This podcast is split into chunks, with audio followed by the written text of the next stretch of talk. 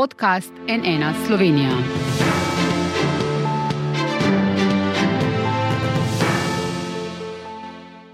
Dober dan, to je NN studio. Slovenska vlada ima od tega tedna 20 ministrov. Ekipa Roberta Goloba se je 9 mesecev po volitvah sestavila, kot si je zamislil.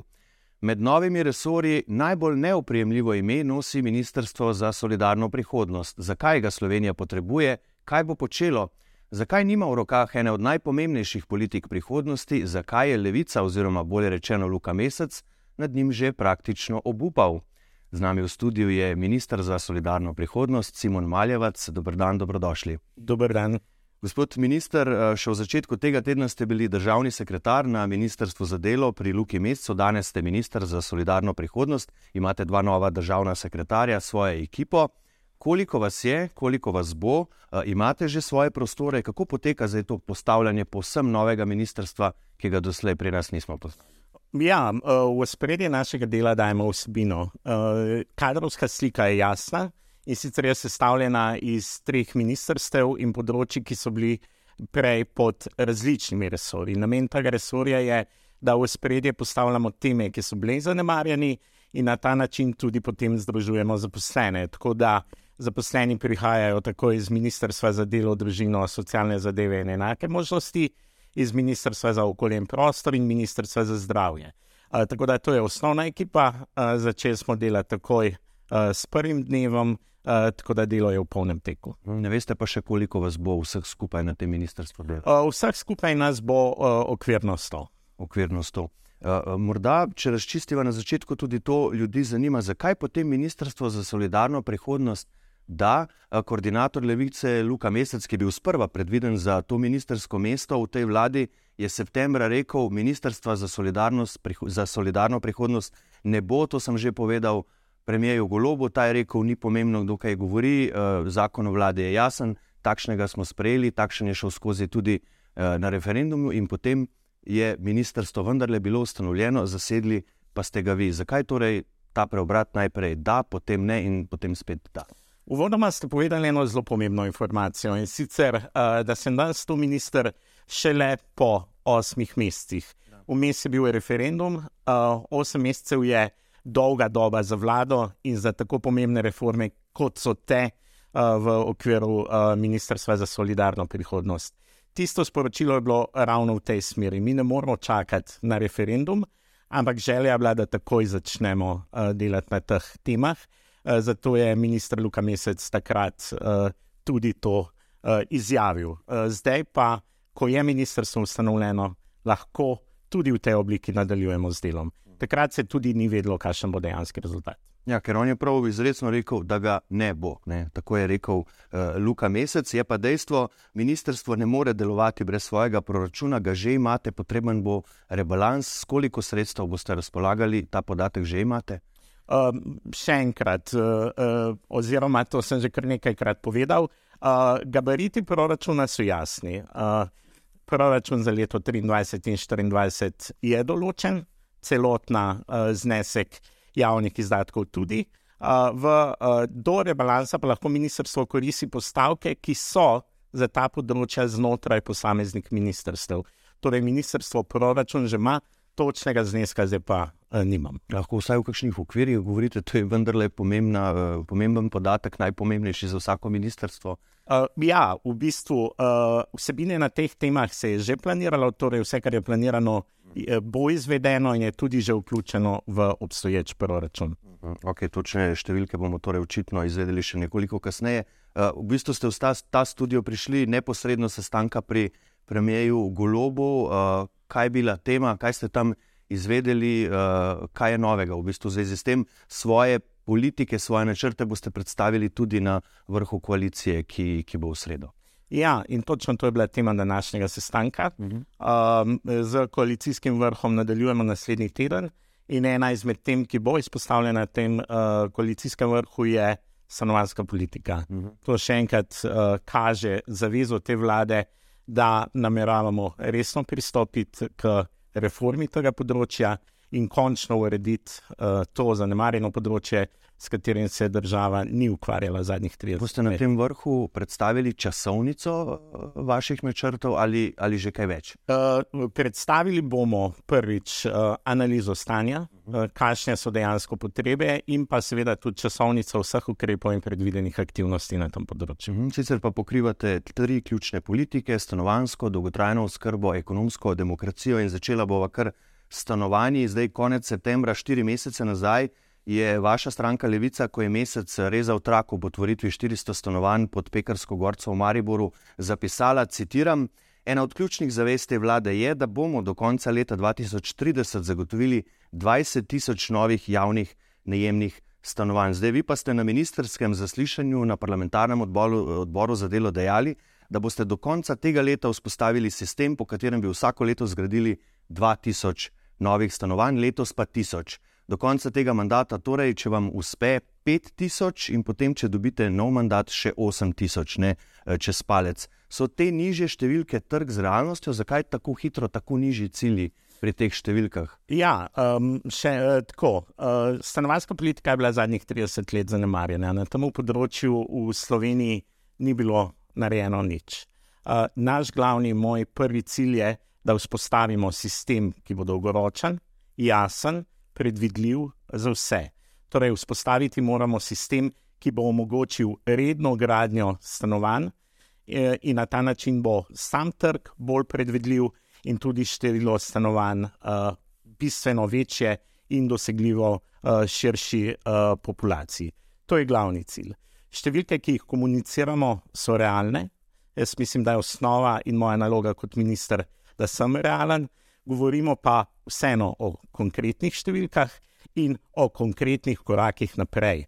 Uh, torej, o večjih številkah, je narejeno, kot je bilo narejeno v zadnjih uh, 30 letih. Še enkrat je pa osnova, je, da končno uredimo uh, sistem in to področje, in da vzpostavimo sistem, ki bo dolgoročen, jasen in predvidljiv. Kako pa si predstavljate, morda malo bolj konkretno, uh, ta sistem, ki bo omogočal 2000 na leto in za kakšno stanovanje bo tu pravzaprav šlo? Um, govorimo, hrbtenica naše stanovanske politike mora ostati uh, republiški stanovanski sklad. Uh, tako si tudi predstavljamo. Okrepiti moramo uh, tiste stvari, ki so dobre, in predvsem postaviti uh, določene regulative. Uh, stanovanja bodo pa uh, dostopna vsem. Govorimo o javnih, neprofitnih najemnih stanovanjih, z večjim številom teh stanovanj, bodo pa seveda, seveda dostopna vsem, tudi srednjemu sloju in podobno. Ko ste govorili tudi na zaslišanju na odboru, bomo zgradili, kdo konkretno bo zdaj gradil ta stanovanja, kdo bodo investitorji, kakšna bo konkretna vloga vašega ministrstva pri tem? Uh, vloga ministrstva je jasna. Mi smo tisti, ki postavimo sistem, torej zakonodajni okvir gradnje, uh, kako bodo ta stanovanja se gradila in celoten regulativni uh, uh, okvir za področje uh, stanovanske politike. Bomo, uh, govorim kot družba, gradili bo tako Republiki stanovanski sklad, uh, neprofitne organizacije, lahko in podobno. Torej, širši spektr. Naša naloga je, da pogledamo trenutno celotno področje, analizo smo že upravili in na podlagi tega poskušamo uh, vključiti vse deležnike in vse akterje, ki so uh, na tem področju in skupaj zastaviti uh, jasne cilje, te smo in kako lahko do njih pridemo. Kaj pa zasebni investitorji so vključeni v te načrte ali je to loč? Seveda bodo lahko sodelovali tudi zasebni investitorji. Kje pa se bodo gradila ta stanovanja, le v Ljubljani, nekaterih večjih mestih ali posod po Sloveniji, tudi na podeželju? Uh, podeželje je tudi pomembno področje, uh, ne samo stanovanja. Seveda je večji manjko stanovanj v mestih, tako da v prvi fazi bomo naslovili ta, ampak uh, fond stanovanj uh, in angažma in aktivacija teh je tudi nekaj, kar moramo nasloviti uh, na podeželju. Vemo, da imamo na podeželju veliko hiš, ki so tudi večje, tako da so tudi ideje, tudi prazne, kako bi lahko z določenimi ali subvencijami ali pomočjo pomagali pri, pri ureditvi hiš, da bi bila dodatna stanovanja, ki bi se potem lahko dajala v najem. Mhm. Omenili ste tudi velik potencial uh, praznih stanovanj. Ne? Ali zdaj sploh vemo, koliko jih je, ne? ker tu so bile tudi uh, ocene različne. Morda za začetek uh, potrebujete verjetno ta osnovni podatek, da sploh veste, koliko jih je. Ja, v visoko uh, smo upravljali osnovno analizo, smo ugotovili, da je že sami vhodni podatki so slabi. Tako da to je tudi uh, eno izmed področji, ki ga bo treba urediti, uh, ker bo bistveno lažje uh, načrtovati uh, dolgoročne uh, politike. Okvirne ocene so, koliko stanovanj uh, manjka, tako da na podlagi tega uh, gradimo politiko. Ampak vaša stranka Levica je pred volitvami lani uh, ocenjevala, govorila, da je praznih stanovanj 175 tisoč. Jih je, jih je več, jih je manj? Uh, ne, to so ocene, ki so trenutno. Ja. Uh -huh. In tudi po, po mnenju uh, vašega ministrstva. Ali se boste ukvarjali, da nimo tudi s kreditno sposobnostjo mladih, ne? ker se je minimalna plača tako zvišala za 100 evrov neto, je zdaj kreditna sposobnost še manjša. Luka Mesec že v bistvu javno pritiska na Banko Slovenije, da spremeni pravila oziroma pogoje. Ali bo ta del tudi stvar vašega ministrstva, ali, to, ali bo to stvar ministrstva za delo? Uh, tako, uh, glavna naloga našega ministrstva je ravno vzpostavitev sistema, uh, ki bo omogočal večjo predvidljivost.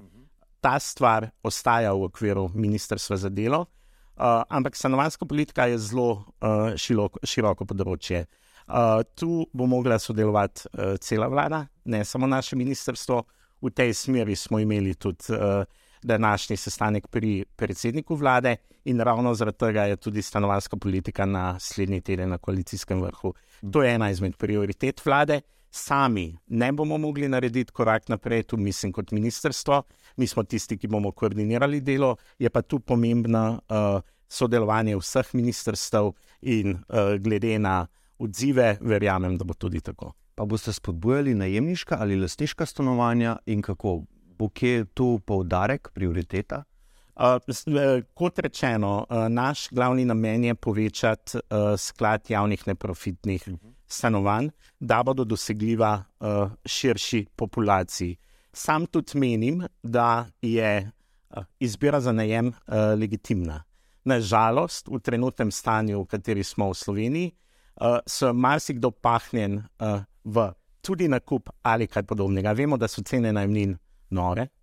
Uh, tudi na kvadratni meter, uh, naprimer v uh, bližnjem mestu Dunaju, je uh, cena najmnine uh, 7 evrov na kvadratni meter, pri nas se giblje pa tudi okrog 15 evrov. Torej, malo še enkrat toliko. In naš cilj je ravno to, da z sistemom dodatno gradnjo znižamo uh, samo uh, najmnino in radi bi se približali cilju uh, 7 evrov na kvadratni meter zdaj tega novega sistema, verjetno pred prihodnjim letom, ne bo, vsaj ne bo, bom rekel, začel še delovati. Kaj pa kratkoročni ukrepi za letos? Morda tu ste omenjali ureditev razmer tudi na najemniškem. Na trgu najemniških stanovanj, glede najemnih pogodb, in tako naprej. Kakšni so tukaj vaši konkretni načrti? Ja, v prvi točki moramo zdaj podpreti vse investicije, ki so v teku in ki jih je tudi Republiki stanovanski sklad že zagnal in ki jih bo zagnal v prihodnjih dveh letih. Uh mhm. To je prvi korak, ki ga. Uh, lahko naredimo, da se stanovanja začnejo graditi takoj. Vemo pa, da eh, ko govorimo o stanovanski politiki in temu, je to, bom dal eno primerjavo, tanker, ki ga moramo pravilno usmeriti, da bo šel v pravo smer. Uh, na drugem področju je pa ena uh, velikih težav tudi špekulativna raba stanovanj, torej za neke nestanovanske namene in podobno.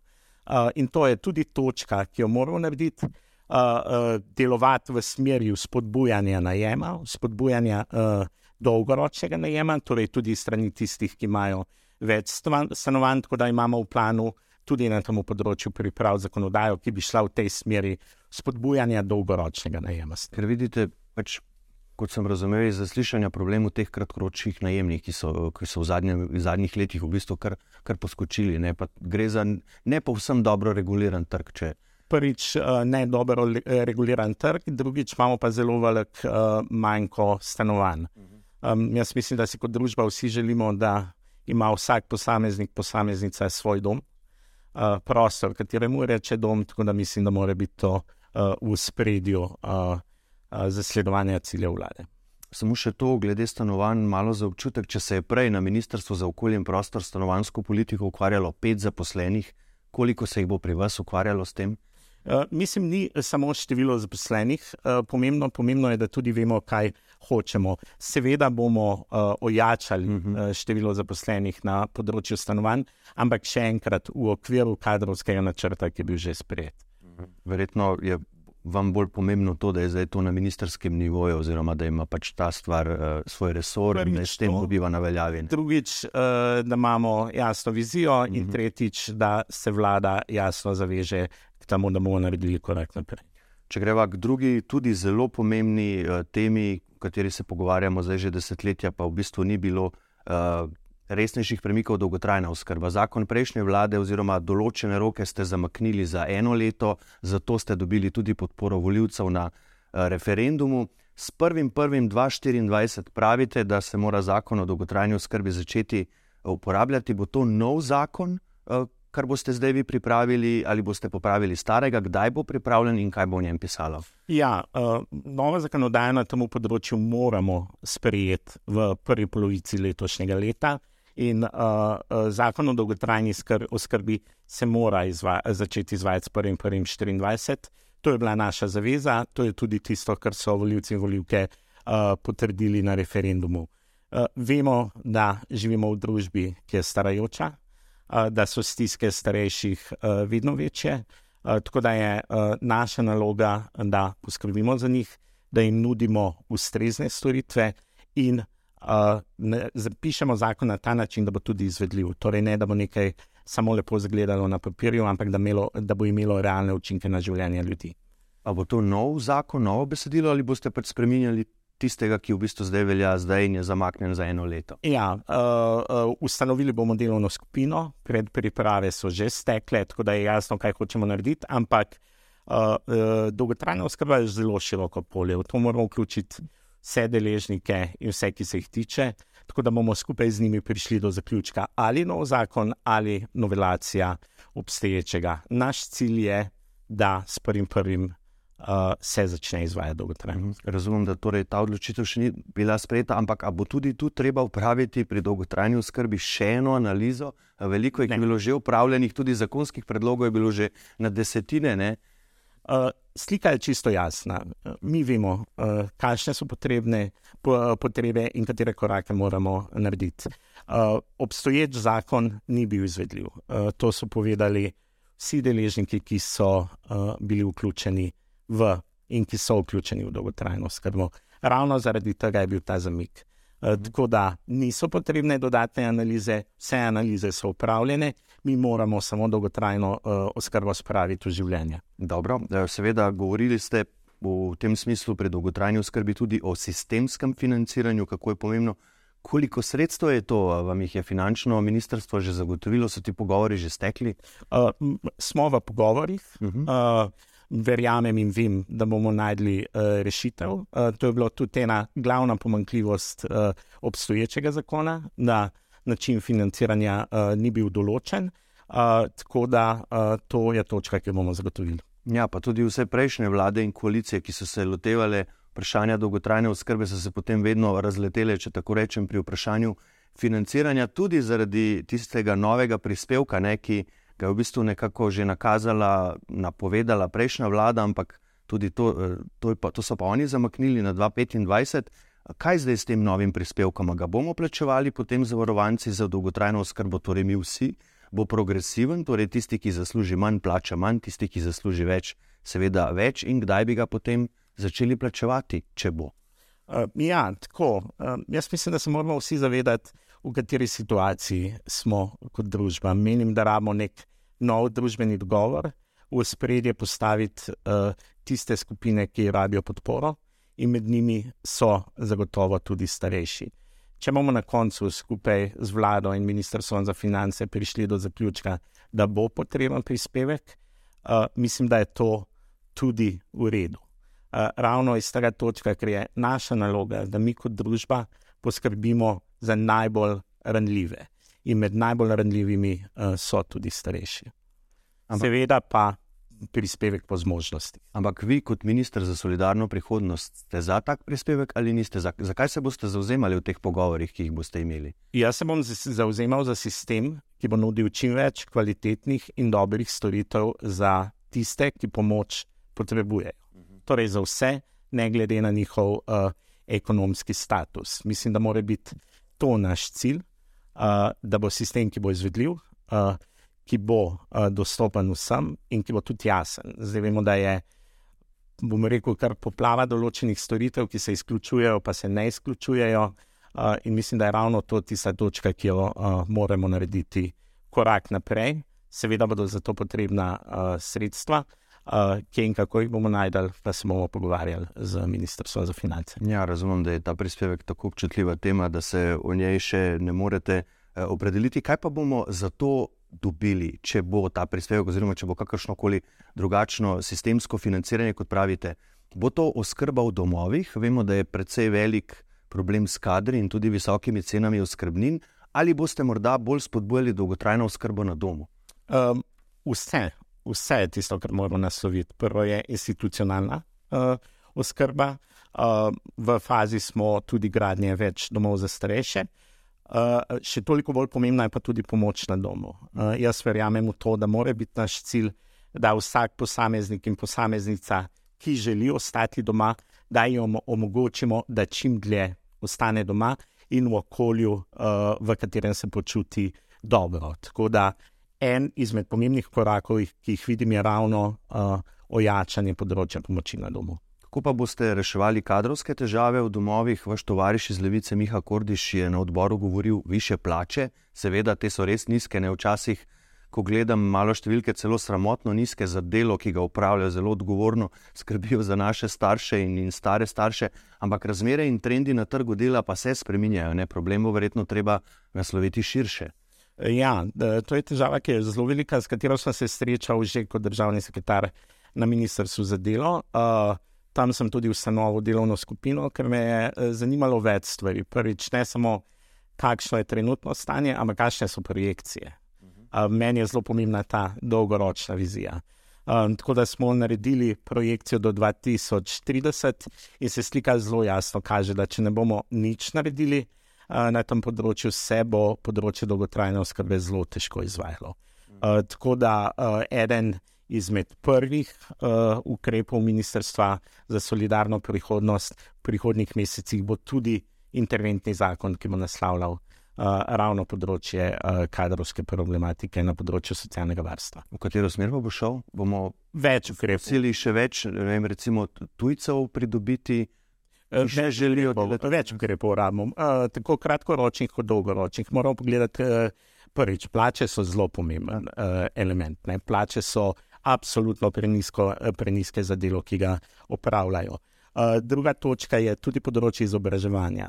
Uh, to, uh, glede na to, da smo starojača uh, populacija, bodo potrebe po teh kadrih naraščale. Tako da ne moramo reševati samo trenutne situacije, ampak jaz hočem, da rešimo situacijo za vso prihodnost. Torej bo potrebno tako angažma na področju šolstva uh, in uh, vsega ostalega. Dobro, še tretje področje vašega resorja, to je ekonomska demokracija, eh, spodbujanje soupravljanja in lasništva zaposlenih v podjetjih, da so torej po tej logiki zagotovo deleženi tudi pri dobičku. Če je zdaj v desni opoziciji, so vas provocirali, zakaj tega ne naredite v državnih podjetjih, če je to prihodnost, seveda odgovorite na to, če želite, ampak povejte nam, prosim, predvsem to, kako bi to reševalo trenutne izzive slovenskih podjetij, ki predvsem ne najdejo ustreznih kadrov med drugim. Uh, ja, v, prvi točki uh, bi pa tu poudaril, da govorimo o modelu, ki je prisoten v tujini že zelo dolgo časa, v Ameriki že več kot 50 let. Govorite o sistemu ESOP? Ne? Govorimo o sistemu ESOP. V Ameriki je prisoten že več kot 50 let, 10 odstotkov podjetij uh, je organizirano uh, na ta način in tam se jasno kaže, da so ta podjetja uh, boljša stališča trdoživosti. Eh, tudi delovnih razmer in podobnega. Ta podjetja niso propadala v, v obdobju raznih kriz. Po, drugi točki, po drugi strani je to en vidik, uh, po drugi strani pa hočemo dati tudi tistim, ki hočejo iti uh, po tej smeri, to možnost. Govorimo tudi o uh, podjetij, ki so trenutno v družinski lasti ali česa. Torej, ta možnost že obstaja. Obstaja, ampak je bistveno bolj uh, otežena, uh, birokratsko in podobno. Tako da uh, mislim, da je to ena izmed poti uh, v bolj demokratično družbo. In to je, uh, jaz mislim, da so tri teme, ki mogoče na prvi vidik delujejo zelo različne, na nek način uh, zelo podobne, oziroma med seboj povezane. V spredje postavljamo ljudi uh, kvaliteto življenja ljudi in pa omogočiti dostopnost za vse vsem. Kaj pa bi to za zaposlene pomenilo, recimo, ko bi se podjetje znašlo v težavah? Uh, seveda, potem si uh, zaposleni pomagajo tudi pri reševanju podjetja.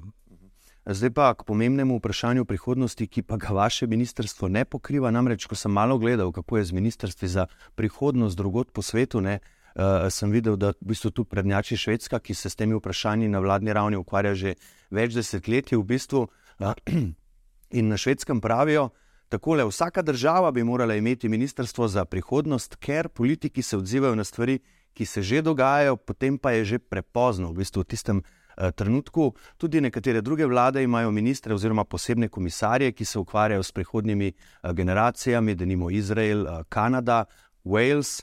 Ampak vsi imajo nekaj skupnega, ne?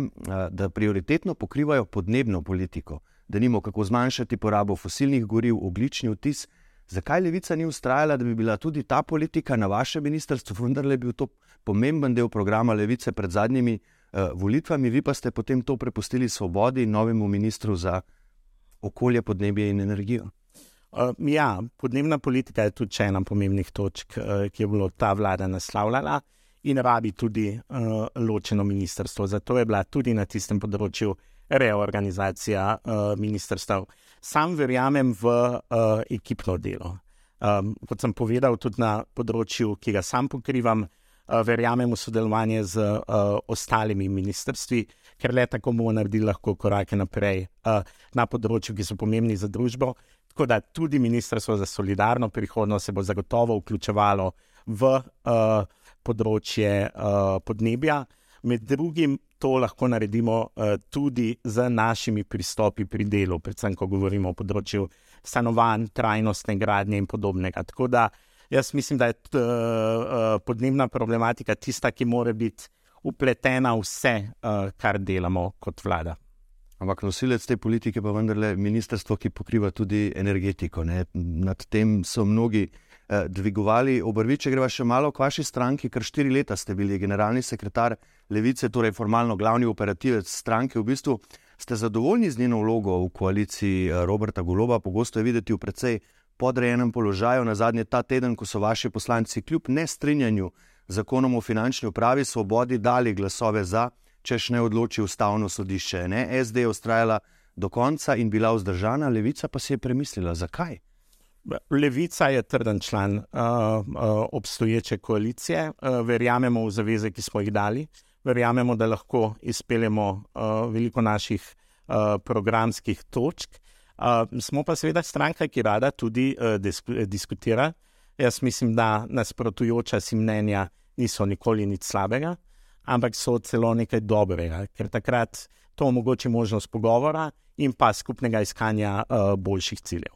Ja, ampak nekako, če pomislim, kaj bi bilo, če bi prejšnja vlada, ki jo je vodil SDS, v državni zbor prinesla zakon, ki omogoča tajno sledenje finančni upravi, kaj bi takrat uh, govorili poslanci levice, ki so zdaj, ko je bilo treba zbrati 46 glasov po vetu državnega sveta, pa pritisnili tisto tipko za, pa vemo, da so imeli predvsej pomislekov. Ne? Seveda za zavezo, da se bo člen preverilo na ustavnem sodišču.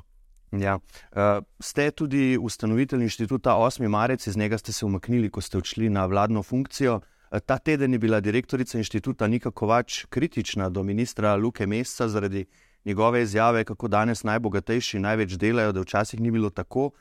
Tako je rekla, citiram: Osnova delovanja ministra bi moralo biti zavedanje, da razrednega položaja v družbi ne determinira količina našega dela, njegova prioriteta pa skrb za tiste, ki komaj preživijo. Konec citata. V kakšnih odnosih ste uh, vi eh, z Niko Kovač, na kakšen način bo to, da ste si blizu s to civilno-družbeno organizacijo, vplivalo na vaše delo kot minister? Se boste recimo posvetovali z Niko Kovač? Jaz sem aktiven že celo uh, svoje življenje. Um, če greste pogledat moj življenjepis, boste videli, da sem zelo dolgo deloval na področju civilno-družbenega angažmaja. Verjamem, da se mora vsak uh, prebivalec in prebivalka Slovenije angažirati, uh, povedati svoje mnenje in po svojih zmožnostih sodelovati pri odločitvah, uh, ki jih uh, sprejemamo kot država. Um, še, uh, sem že parkrat povedal, pa bi še enkrat. Sam verjamem v ekipno delo in verjamem v informirano delo. Posvetoval se bom zelo široko, ker so mi vse informacije, ki jih dobim za področja, ki jih pokrivam, pomembne. Ne bom izključeval in verjamem v ta način dela, torej dialoga in skupnega doseganja ciljev. In torej se boste posvetovali očitno tudi z gospodom Niko Kovač oziroma z inštitutom. Kdo pa vam je bližje, Luka Mesec ali Nika Kovač? E, mislim, oba sta mi blizu. Uh -huh. e, vsi, ki so aktivni uh, na političnem področju, so mi uh, blizu. Še enkrat verjamem v izmenjavo mnenj, pogovore in dialog. In bomo videli, kaj bodo ti pogovori prinesli pri delu vašega ministrstva za solidarno prihodnost, gospod minister Simon Maljevec. Najlepša hvala, da ste bili gost ene. Hvala za vabilo. Hvala pa tudi vam za vašo pozornost. Seveda vse pretekle vdaje ene na studio najdete na naši spletni strani, pa tudi na portalu YouTube. Iz studija pa le še lepo zdrav in nasvidenje.